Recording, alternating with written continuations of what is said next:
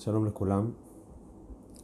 אה, אנחנו רוצים להמשיך בשיעור הרביעי, שהפעם הנושא של השיעור זה באמת להבין איך הדברים האלה באמת יותר נוגעים אלינו, לחיים שלנו, למשמעות האישית. אני חושב שזה דבר אה, מאוד מאוד חשוב וגם אה, באמת בסוף הופך את הדברים באמת לתורת חיים, למשהו שהוא משמעותי, שהוא נוגע, שהוא באמת פועל על הבן אדם ולא סתם נשאר בשמיים בתור איזשהם רעיונות יפים. שנשארים למעלה ולא באמת אה, מחלחלים כלפי מטה. אז אני חושב שהנושא הזה, אה, הנושא הזה והמכה הזאת היא מאוד מאוד חשובה, אה, ואולי גם איכשהו תסגור לנו את כל העניין. אז ככה, בואו נחזור על הדברים ו, ואז נתקדם קדימה. אז מה שאמרנו הוא בעצם שהיסוד של השיטה של הרב קוק זה להבין איך הקודש מחלחל לתוך המציאות. איך הקודש מגיע לתוך המציאות.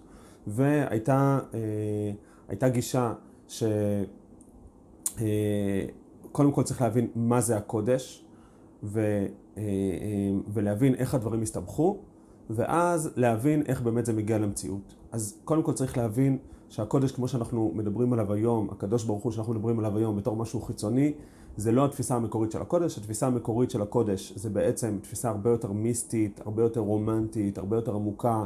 קדושת הדומייה זה חוויה שהאדם המקובל, הקדוש, הוא מרגיש את הקודש כעומק של המציאות, זה העומק של המציאות, זה העומק של הדברים, זה משהו שקשה להגדיר אותו במילים, זה לא איזושהי חוויה של יצר או משהו כזה, אלא איזושהי חוויה מיסטית, רוחנית, סינתטית, רומנטית, שאדם מרגיש שיש פה, כל, יש פה עומק למציאות, יש משהו מעבר למציאות, יש אינסוף בתוך המציאות, זה משהו שהמקובל מרגיש, וזה דבר שהיה יותר נפוץ בעולם הקדום, שעולם הדמיון והחוויה וה, אה, אה, אה, והמיסטיקה היה, הייתה, היה יותר מפותח, עולם, עולם השכל היה פחות מפותח, כמובן אצל אומות העולם ובציבור הרחב.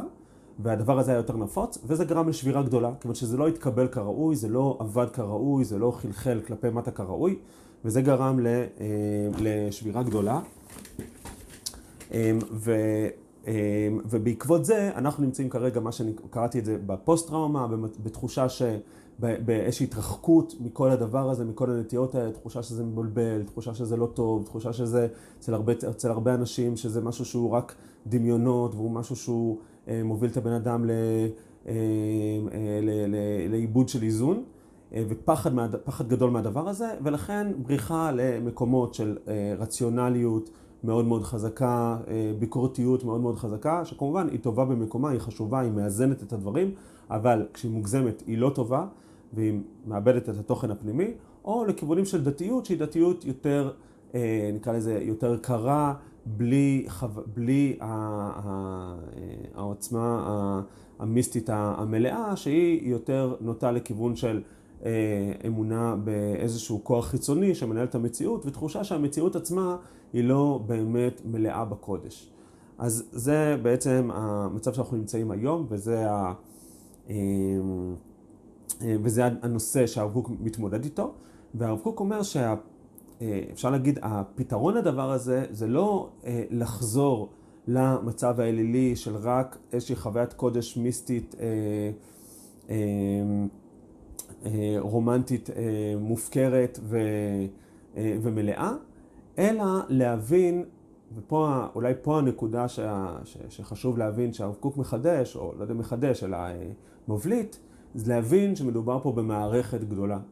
וטוב שיש את החלקים השכליים, אבל זה לא, הם לא עובדים לבד, וטוב שיש את החלקים של הקודש, אבל הם לא עובדים לבד, ויש פה מערכת אחת. יש פה מערכת שעובדת ביחד, ואפשר להגיד שמי שמאמין בקדוש ברוך הוא זה לא אדם בודד, אלא זה המערכת. המערכת כולה מאמינה בקדוש ברוך הוא במובן העמוק, כן? במובן הזה של החוויה המיסטית המלאה, זה המערכת כולה שבראשה המקובל, הקדוש, העליון, עומד בראשה, אבל הוא לא נמצא לבד, אלא יש פה מערך שלם, יש פה, יש פה אה, מבנה שלם שעומד, שכל הקומות בו הולכות ונחשפות אל הקודש, שהסברנו שזה בנוי מארבע רוחות, הרוח הדתית, שזה הולך מהכי פרטי להכי אה, כללי. מהרוח הדתית, הפרטית יותר, לעבר הרוח, איזושהי רוח לאומית של רצון ללאומיות גדולה, לאומיות חזקה, לעם אה, גדול, מוסרי, תקין, לרוח מוסרית שמבקשת את השוויון והמוסר והצדק והיושר בין כל האנושות ואפילו עם בעלי החיים והצמחים וה, אה, והדומם והכל. אה, וכשכל המערכת הזאת בנויה, אז גם הקודש בא ומתקבל כמו שצריך, וכולם שותפים בדבר הזה. ולכן כשאנחנו, כשאדם חווה את, ה, את השם שלו כמערכת, אז הוא שותף, אז, אז כל המערכות שותפות בעבודת השם, וגם המערכות הנמוכות יותר של הדתיות ולאום ומוסר, שהן לא חוות דווקא את הקודש המלא, הן שותפות בחוויה הגדולה של המקובל. ויש פה מערכת אחת, אם נרצה, אז בבית המקדש מי שעובדים זה הכוהנים, אבל אה, אה, כל העם תומך בהם, וביום כיפור שהכהן הגדול נכנס וחווה את הקודש העליון ביותר, כל העם שותפים בדבר הזה. אה, אז זה באמת איזושהי חזרה על הדברים. ועכשיו ננסה להעמיק, להעמיק בזה קצת יותר ולהבין קצת יותר לעומק, לעומק מה המשמעות של זה אלינו. אז קודם כל מבחינה חברתית ודאי שיש לזה משמעות, ההבנה הזאת שכל ה, כל החלקים בחברה שותפים וכל החלקים יש תפקיד ונוצרת איזושהי אחדות בחברה ואיזושהי תחושה של, של ההרמוניה, תחושה של שותפות בין כולם, תחושה של יכולת ללמוד בין כולם וגם המקובל צריך ללמוד מהאנשים הפשוטים, האנשים הפשוטים מהמקובל והמוסריות מהלאום והלאום מהדת ויש פה איזשהו מערך של אה, אה, תחוש, אה, של למידה הדדית והתקדמות הדדית. אז זה גם, עדיין זה קצת נשאר מלמעלה כמשהו לאומי, כללי, מסר, מסע המחנות וכולי וכולי. אבל אני רוצה שנעמיק בזה קצת יותר לעומק. ובשביל להעמיק בזה אני רוצה שנדבר, נתחיל מהנושא של מצוות ונראה איך זה מחלחל יותר ויותר עמוק לתוך החיים של הבן אדם. אז בואו נתחיל מנושא המצוות. כשאני עכשיו עושה מצווה, הרב קוקו בא ואומר לי, אני עכשיו מקבל תוכן לכל המערכות, גם למערכת הדתית, גם הלאומית, גם המוסרית. הוא מביא לזה הרבה מאוד דוגמאות, מאמר תללי אורות ו... אה, ובעוד מאמרים. אה, ופה צריך להבין קצת יותר לעומק איך הדבר עובד, וממילא איך אנחנו מעמיקים בדבר הזה. ופה יש הבדל באמת, אנחנו חוזרים לעניין הזה של המערכת מול הפרט. כאשר הפרט מקבל ידע, הפרט מקבל איזושהי הנאה, איזושהי תחושה, איזושהי חוויה, אז הוא כפרט אה, אה, אה, נחסם או, או אה, חווה את החוויה הזאת דרך הממדים הפרטיים שלו, בממד, בממד הספציפי. אני מרגיש, אני עכשיו מרגיש את התפילין, אני רואה את התפילין, אני רואה אותם עכשיו על הראש שלי, וזה ממלא את כל החוויה שלי. אני עכשיו אכלתי תפוח, וזה ממלא את החוויה שלי, הטעם של התפוח.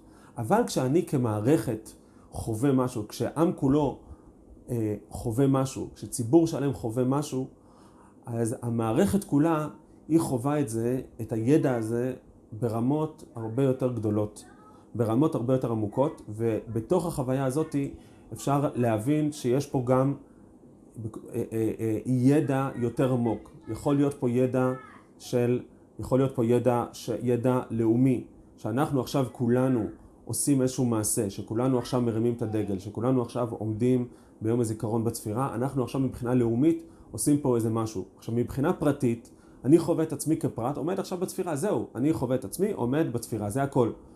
אבל מבחינת המערכת נוצר פה משהו, נוצר פה איזשהו תהליך. יש פה עכשיו איזשהו תהליך התרחשות לאומית מאוד מאוד גדולה. מבחינה מוסרית התרחש פה גם איזה משהו. אני עכשיו מבחינה מוסרית הוקרתי את, ה, את החללים אה, וכולי. אני עכשיו התקדמתי מבחינה מוסרית. נוצר פה איזוש, נוצ, נוצרת פה איזושהי אה, נוצר פה איזשהו תהליך יותר עמוק מהחוויה הפרטית שלי. ואותו דבר אומר הרב קוק לגבי מצוות. כשאני עכשיו מקיים את המצווה באופן פרטי, אני עכשיו עושה איזשהו מעשה באופן פרטי.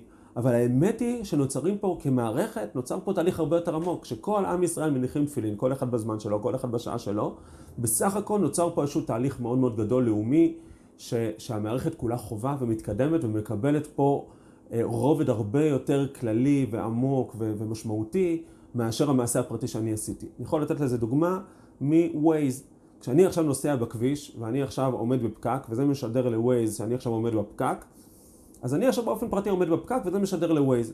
אבל בסך הכל כמערכת Waze הולך ומתכלל את כל הפרטים האלה, את כל המידע הזה, ונוצר פה מידע הרבה יותר עמוק, נוצר פה מידע של כל המערכת התחבורה, מאיפה כדאי לנסוע, מאיפה לא, המלצות, אה, אה, אה, סינכרון של התחבורה בצורה יותר טובה וכולי וכולי, ויש פה משהו הרבה יותר גדול כאשר המערכת, בהבנה של המידע שהוא עובר בתוך המערכת כולה. אז הרב קוק אומר, המצוות הן לא פועלות רק על הפרט, הן פועלות בעיקר על המערכת כולה, ובמערכת כולה נוצר פה מידע אה, הרבה יותר גדול ותהליך הרבה יותר גדול מאשר התהליך שהפרט עכשיו חווה. אלא אה, אה, אה, יש פה עכשיו מפגש עם תוכן לאומי מאוד מאוד גדול, עם תוכן מוסרי מאוד מאוד גדול, עם תוכן דתי מאוד מאוד גדול, שיכול להיות שהפרט לא, לא חווה, לא מודע לזה באופן פרטי, אבל המערכת כולה מתקדמת בעקבות הדבר הזה. זה הבנה יותר עמוקה של הנושא הזה של המצוות, וניקח דוגמה, מצוות פרו ורבו. כשאדם מקיים מצוות פרו ורבו, אז הוא קודם כל, מבחינה, אז מבחינה פרטית הוא מקיים עכשיו מצווה של פרו ורבו, באופן פרטי, והוא חווה אפילו הנאה חושית וכולי. אבל מבחינה דתית, הוא עכשיו הביא עוד, הרב קוק מסביר את הדבר הזה, הוא עכשיו הביא עוד אנשים לעולם. ועכשיו מבחינה דתית, יש פה עכשיו יותר מקיימי מצוות. ומבחינה לאומית, כמובן שהוא העצים את עם ישראל, נתן כוח, נתן לוחמים לצבא, ונתן לעם ישראל יותר צאצאים ודורות קדימה וכולי וכולי. מבחינה מוסרית הוא גם, הוא הביא חיים לעולם, הוא הביא עוד חיים לעולם, הביא עוד שפע לעולם. מבחינה מוסרית ודאי שזה ברכה וזה תיקון לכל המציאות.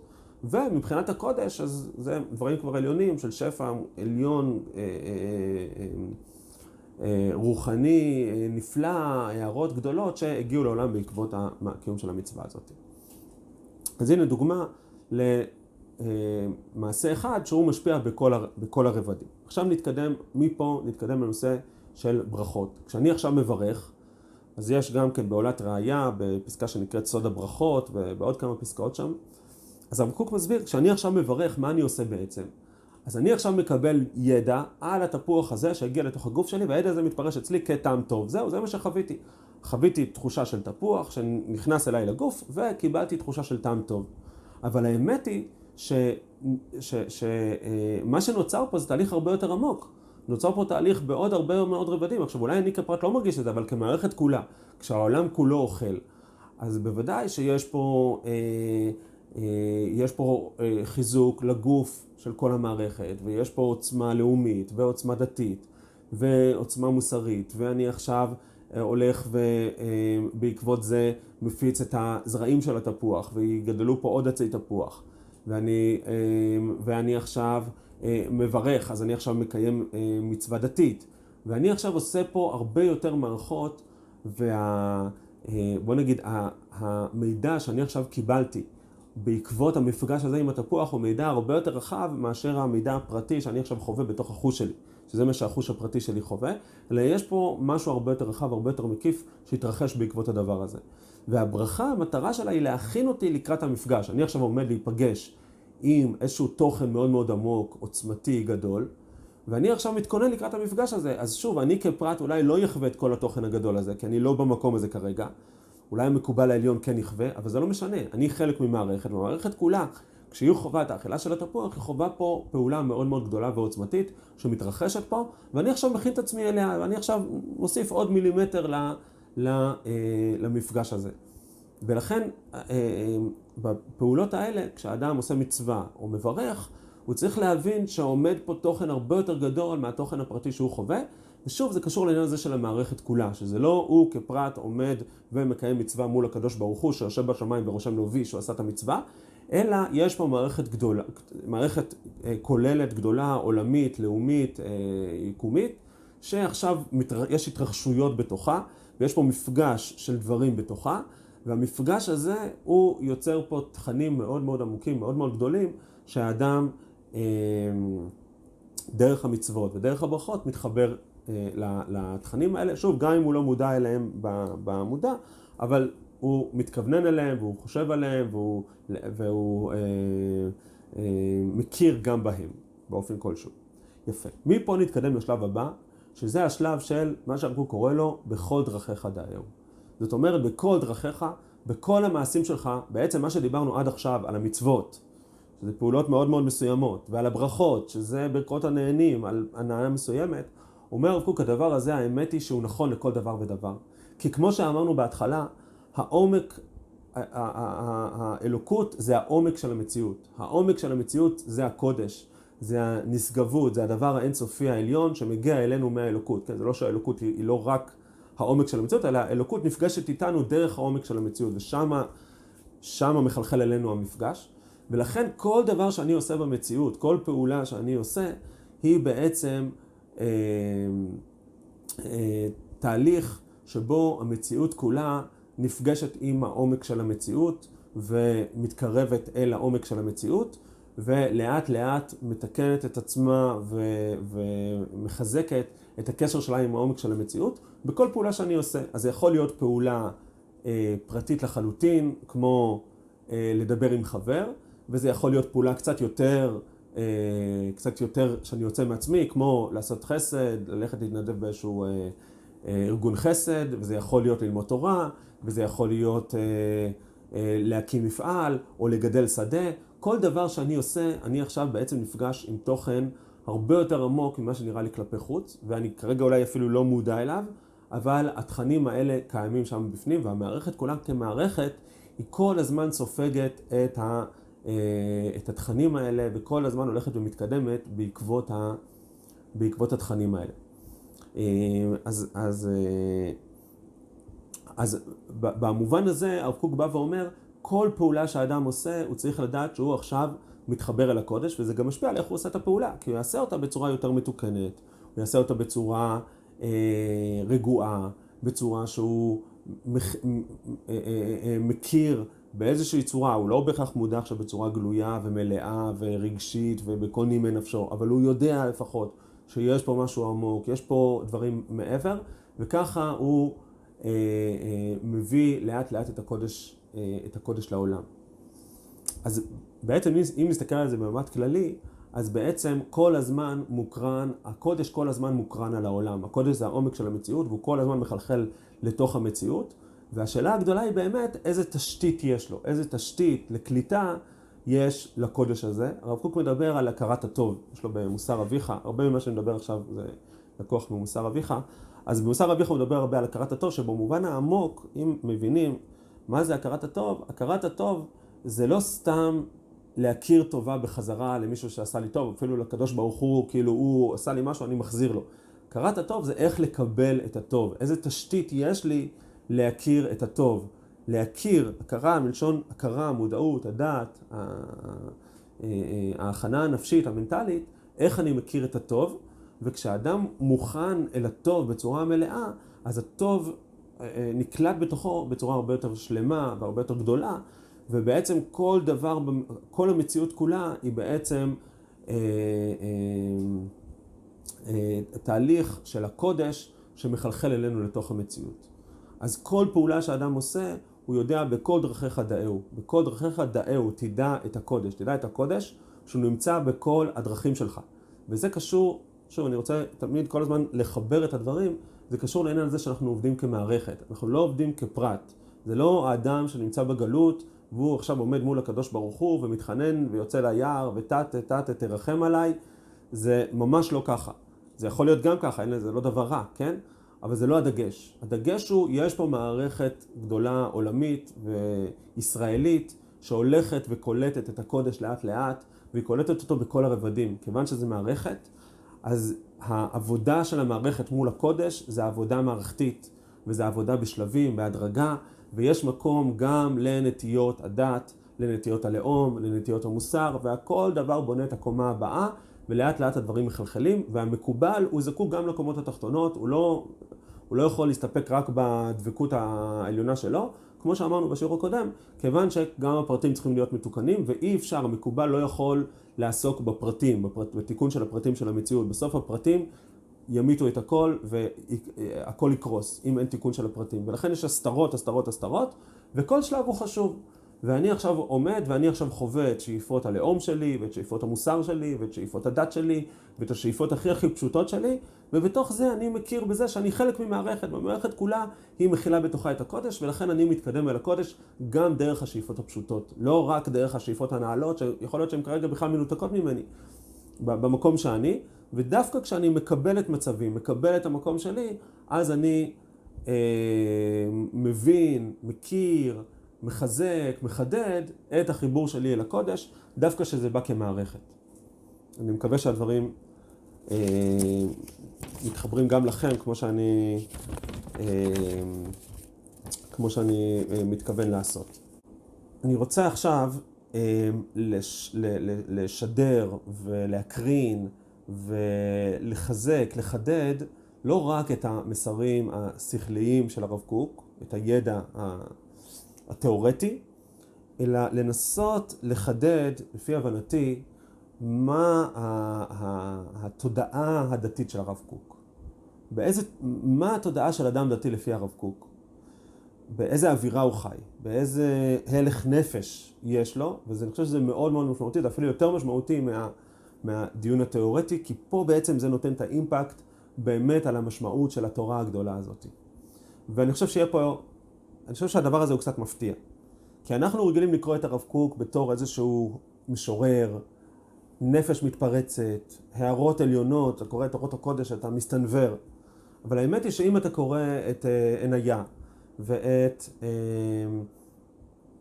אה, ואת עולת ראיה ואת מוסר אביך, מאוד מאוד משמעותי התכנים האלה, ששם הוא מדבר לאנשים הפשוטים, לאנשים הרגילים, אתה רואה שהמסר שלו הוא, אפשר להגיד, הוא מסר אפילו הפוך. הרב קוק בא ואומר לבן אדם, החוויה הדתית היא חוויה שהיא אה, כמו שאמרנו, היא קשורה לחוויה הזאת של המערכת, אה, ובעקבות זה החוויה הדתית היא צריכה להיות משהו מאוד מאוד רגוע, מאוד מאוד שלב, מאוד מאוד שמח בחלקו, מאוד מאוד סבלני. כיוון, כיוון שהאדם אה, הוא לא עומד לבד מול הקודש, והוא גם לא עובד, הוא לא עובד גם ישירות מול הקודש בצורה של קפיצה, של הוא והקודש. ואז יש פה איזושהי קפיצה אדירה שהיא היא כמעט אפילו בלתי אפשרית. ואז האדם הוא, הוא כל הזמן מאוכזב, והוא כל הזמן, אה, אה, אה, והוא, הרבה פעמים נכנס לדיכאונות, והוא נכנס לכל מיני שאיפות מוגזמות ודמיוניות, ואין לו את הגשר הזה, אין, אה, הוא, הוא, הוא עומד לבד מול הקדוש ברוך הוא, אז באמת הדברים הם, הם, הם לא בריאים, הם לא נכונים, הם מייאשים, ואו שהם מביאים לאיזשהו להט מאוד מאוד גדול שהוא מסתיים בסוף בקריסה, או שהם מביאים כבר מראש לאטימות ואדישות והתרחקות מכל הדבר הזה, אין פה מבנה מסודר.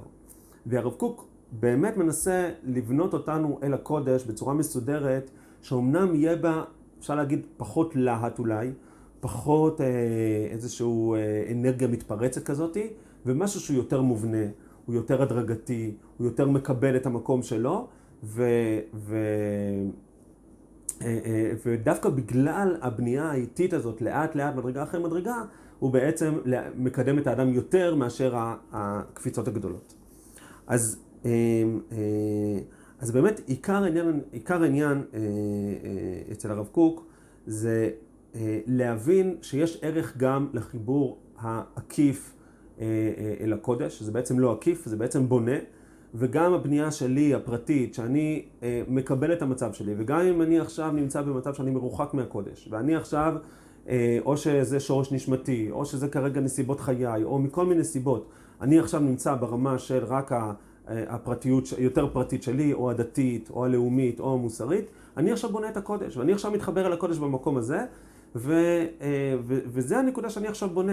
ואסור לי לקפוץ מעבר למדרגתי, ואסור לי עכשיו לשקוע או בדמיונות או בשאיפות מוגזמות. צריך לצעוד מאיפה שאני נמצא ולשאוף באיזשהו געגוע, אבל געגוע מתון, רצון מתון, רצון שהוא מקבל את, גם את המקום שלו ושמח בחלקו, וגם רוצה מילימטר אחד נוסף, איפה שאני פלוס מילימטר, אבל לא יותר מזה. והדבר הזה הוא בונה תהליך איטי, הדרגתי, יותר רגוע, יותר מתון. אולי עם פחות אנרגיות, אבל לטווח ארוך עם, עם הרבה יותר אנרגיות.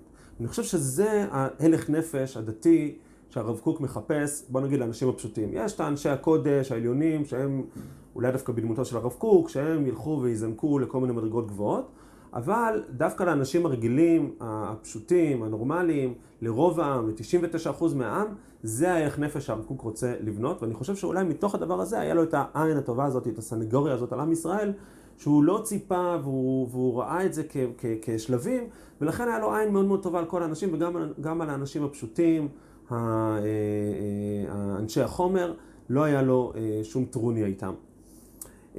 אז בעצם הקודש פועל בתוך כל העם כמערכת, בתוך כל העולם כמערכת, וגם בתוך האדם כמערכת, וגם האדם מודע לזה שיש לו תת מודע. והתת מודע שלו שואף אל הקודש, ו- וקרבת אלוקים, זה השאיפה המרכזית, וזה בונה את כל המערכות. ושאני עכשיו אוכל את התפוח, ואני מברך, ואני קצת מתרומם מילימטר מהאכילה הגסה, הכי הכי גסה שלי, אני עכשיו גם כן מתחבר אל הקודש, כי גם בתוכי הקודש פועל כמערכת, וגם בתוכי כל דבר קטן הוא בונה עוד קומה קטנה אל הקודש, ואני לא אמור לזנק עכשיו לתת מודע העליון העמוק הנשגב שלי. זה קיים שם, זה נמצא שם וזה בסדר, ויש את המקובלים שהתחברו לאותו תת מודע, ואני, ואני גם אם אני לא מחובר אליו, אני פועל ברמה שלי, ופה אני מקדם את, ה, אה, מקדם את השלב שלי. לכן יש מקום גם לנטיות הפשוטות, וגם לשמחה בהנאות הפשוטות ובהתקדמויות הפשוטות ביותר, שאדם עכשיו הצליח לפתור תרגיל במתמטיקה, גם כן, עכשיו הוא אה, גם כן התקדם בצעד הקטן שלו, באיפה שהוא כרגע נמצא, והוא כרגע נפגש עם הקדוש ברוך הוא, נפגש עם אלוהים בתרגיל מתמטיקה הקטן הזה. אה, אה, וגם פה עכשיו עלה הצעד השכלי, המנטלי, העולמי, במילימטר הקטן אה, שהוא עשה. אה, אז יש פה באמת מסר לאדם אה, מאוד מאוד מרגיע. מסר מאוד מאוד מרגיע, הכל בסדר, הכל, הכל טוב, הכל תקין, יש שלבים בהתקדמות ויש מדרגות, והמדרגות הן בכוונה ככה, ובכוונה יש גם את הצמצומים. הצמצומים האלה נועדו כדי לתקן את הפרטים וכדי להיפגש עם הפרטים וכשאתה עכשיו מתקן את הפרטים אתה עכשיו עושה משהו שהמקובל לא יכול לעשות כי הוא לא יכול עכשיו להצמיח את הפרח בשדה. אין לו, הוא עכשיו שקוע ב... בשאיפות הקודש, הדבקות, החוויות העליונות שלו ואתה עכשיו מצמיח את הפרח בשדה ואתה עכשיו גורם לעוד יופי בעולם והיופי הזה גורם לעוד כמה מעגלים שהתפתחו. בסופו של דבר גם המקובל יושפע מזה ואנחנו כרגע ביחד כמערכת מקדמים את הקודש ויש פה משהו באמת מתון, רגוע, הכל בסדר, אה, אה, הכל זורם קדימה, אה, אין, אין, אין לחץ, יש, יש מתינות מאוד מאוד גדולה, חשיבה לטווח ארוך, לצעדים הרחבים, לצעדים הגדולים, לטווח הארוך, זה כמו לבנות מפעל, אף אחד לא יום אחד בא ובונה עכשיו מפעל לייצור של מיליוני מכוניות, לא, יש את, ה, את השלבים וזה בסדר. ואדם יודע שהוא עכשיו בפס ייצור, אחראי על הבורג שלו, וזה מה שהוא עושה. אז, אז השאיפת ההתקדמות היא דבר אה, אה, מאוד מאוד אה, מאוד מאוד מתון, מאוד מאוד במינון מאוד מאוד מדויק. האדם שואף להתקדם, אבל שואף גם להתקדם כמערכת ולא כפרט, וגם כפרט הוא מקבל את מקומו, ושמח במקומו, ומתוך השמחה הזאת, מתוך הקבלה הזאת, הוא צועד צעד אחד קדימה, אבל ממקום באמת מאוד מאוד רגוע ומאוד מאוד אה, פשוט ו, ונינוח. אה, אז זהו, אז אני חושב שאנחנו פה בעצם אה, סוגרים את הסדרה הראשונה של השיעורים, אה, ש, אה, שמדברים על דעת אלוהים ועל הבסיס ההשקפתי של הרב קוק. כשאנחנו התמקדנו בעיקר באנשים הפשוטים, באנשים הפשוטים, בי, התמקדתי בי, אה, באדם הפשוט, שאין לו עכשיו איזה חוויות אה, קודש עליונות, אה, ומצד שני יש לו רצון בסיסי להתקרב לקדוש ברוך הוא, לדבוק בהשם, יש לו תחושה של קרבת אלוהים, אבל תחושה מתונה, פשוטה, ועכשיו הרב קוק בא ומאוד מאוד עוזר לבן אדם הזה לבנות את, ה, לבנות את עולם הקודש בצורה נכונה. ובכניסה הזאת לארץ ישראל, כשעם ישראל היה בגלות ולא הייתה את הנטייה המערכתית, אז היה באמת קצוות מאוד מאוד גדולים. היו את ה, היה את הבעל שם טוב ואת הצדיקים העליונים והיה את האנשים הפשוטים שהיו, אפשר להגיד, די מנותקים מהקודש חוץ ממנחה אה, מאירי או משהו כזה. והעולם גם לא היה עולם עם יכולת קליטה של מערכות. כן, באורות הקודש יש לקוק אה, פסקה על העניין הזה של המערכות הגדולות, שאנחנו, אחת מההתקדמויות של העולם זה היכולת לקלוט מערכות גדולות. והחזרה לארץ ישראל והתקופה הזאת, האור המיוחד של התקופה הזאת, זה היכולת באמת לא בהכרח לקפוץ אל הקודש המלא, אבל לצעוד לשם. והצעידה היא באמת במקום הזה של ההבנה קצת יותר גדולה של המערכת, ואני חושב שזה מה שהרב קוק אומר בסופו של דבר, שהוא אומר, אה, אה, עזבנו את נשמת התורה, והוא מדבר על נשמת התורה, הוא לא אומר עכשיו לכולם צאו, תלמדו קבלה. הוא אומר לאנשים, נשמת התורה, הכוונה היא ההסתכלות הגדולה, ההסתכלות המערכתית. עזבנו את ההסתכלות המערכתית, ראינו כל אחד רק את הפרט שלו. צאו להסתכלות הגדולה, תרחיבו את האופק שלכם, תסתכלו איך המערכת כולה עובדת, וזה ייתן לכם בטריה מאוד מאוד גדולה לצעוד קדימה, כי כשהקודש כשה, כשה, הוא, הוא מובן כ, כפרט מול הקדוש ברוך הוא וכעבודה פרטית, אז יש קצר, הבטריה נגמרת תוך שניות. יכול להיות שיש איזה זיק אחד גדול, ובום, הבטריה נכבדת. וכשזו מערכת גדולה, אז המערכת יש בה גם, אה, אה, אז, אז יש הרבה יותר אנרגיה, הרבה יותר אה, מרחב, הרבה יותר נינוחות, בזבוז איטי של החשמל, ככה צעד אחרי צעד, וגם טעינה מחדש, והדברים הולכים ומתקדמים לאורך זמן עם כוחות, עם אנרגיות, והתהליך הזה הולך, ו, הולך ומתקדם. אז אפשר להגיד שזה המעבר מחטא העגל לבניית המשכן. שבחטא העגל היה קודש מאוד מאוד גדול, אבל בהתפרצות, אה, בהתפרצות אה, אה, שוברת, וכן, ויחזו את אלוהים ויוכלו, שהם פורצים שם בריקודים מול הקודש החשוף, אבל זה נגמר בטרגדיה מאוד מאוד גדולה. לעומת המשכן, ששמים את הקודש בתוך, שמים את ארון הברית בתוך קודש הקודשים, מכסים אותו בהרבה מאוד כיסויים, הרבה מאוד שלבים, רק הכוהנים נכנסים, רק בימים מסוימים, אבל זה מאפשר לכל העם, בסופו של דבר זה מאפשר לכל, דרך הכיסויים, דרך הלבושים האלה, זה מאפשר לכל העם להתקרב אל הקודש ולא להיות מנותקים מהקודש ולא זיק אחד ו... אה, והכל נשרף, אלא קרובים אל הקודש, אבל בשלבים, בהדרגתיות, וכולם מחוברים כמערכת אחת גדולה. אז אנחנו רוצים לחזור לבנות את בית המקדש, כן? בכניסה לארץ, אז את בית המקדש המנטלי, גם, גם את הפיזי, אבל גם את המנטלי הרוחני, שזה בעצם המערכת של הקדושה שהיא בנויה, שהיא מאורגנת, שהיא מסודרת, שאנשים יודעים איפה הם, יודעים לאן הם צועדים, איפה הם היו, מה הכוחות שלהם, מה המקום שלהם בתוך המערכת הזאת. אני כהן, אני לוי, אני ישראל, אני מביא את, ה, את השמן, אני מביא את היין, אני, אני מארח אנשים בירושלים ברגל, ואנחנו כקבוצה פועלים ומשכללים את הקודש. אז אני מקווה שהדברים האלה הם באמת אה, עוזרים ותורמים, וזה רק מפתח כדי להיכנס לכתבי אה, הרב קוק בפנים, אה, בטקסטים עצמם, ולהתפתח מהם ולהיפגש איתם ישירות. יופי, אז שיהיה בהצלחה.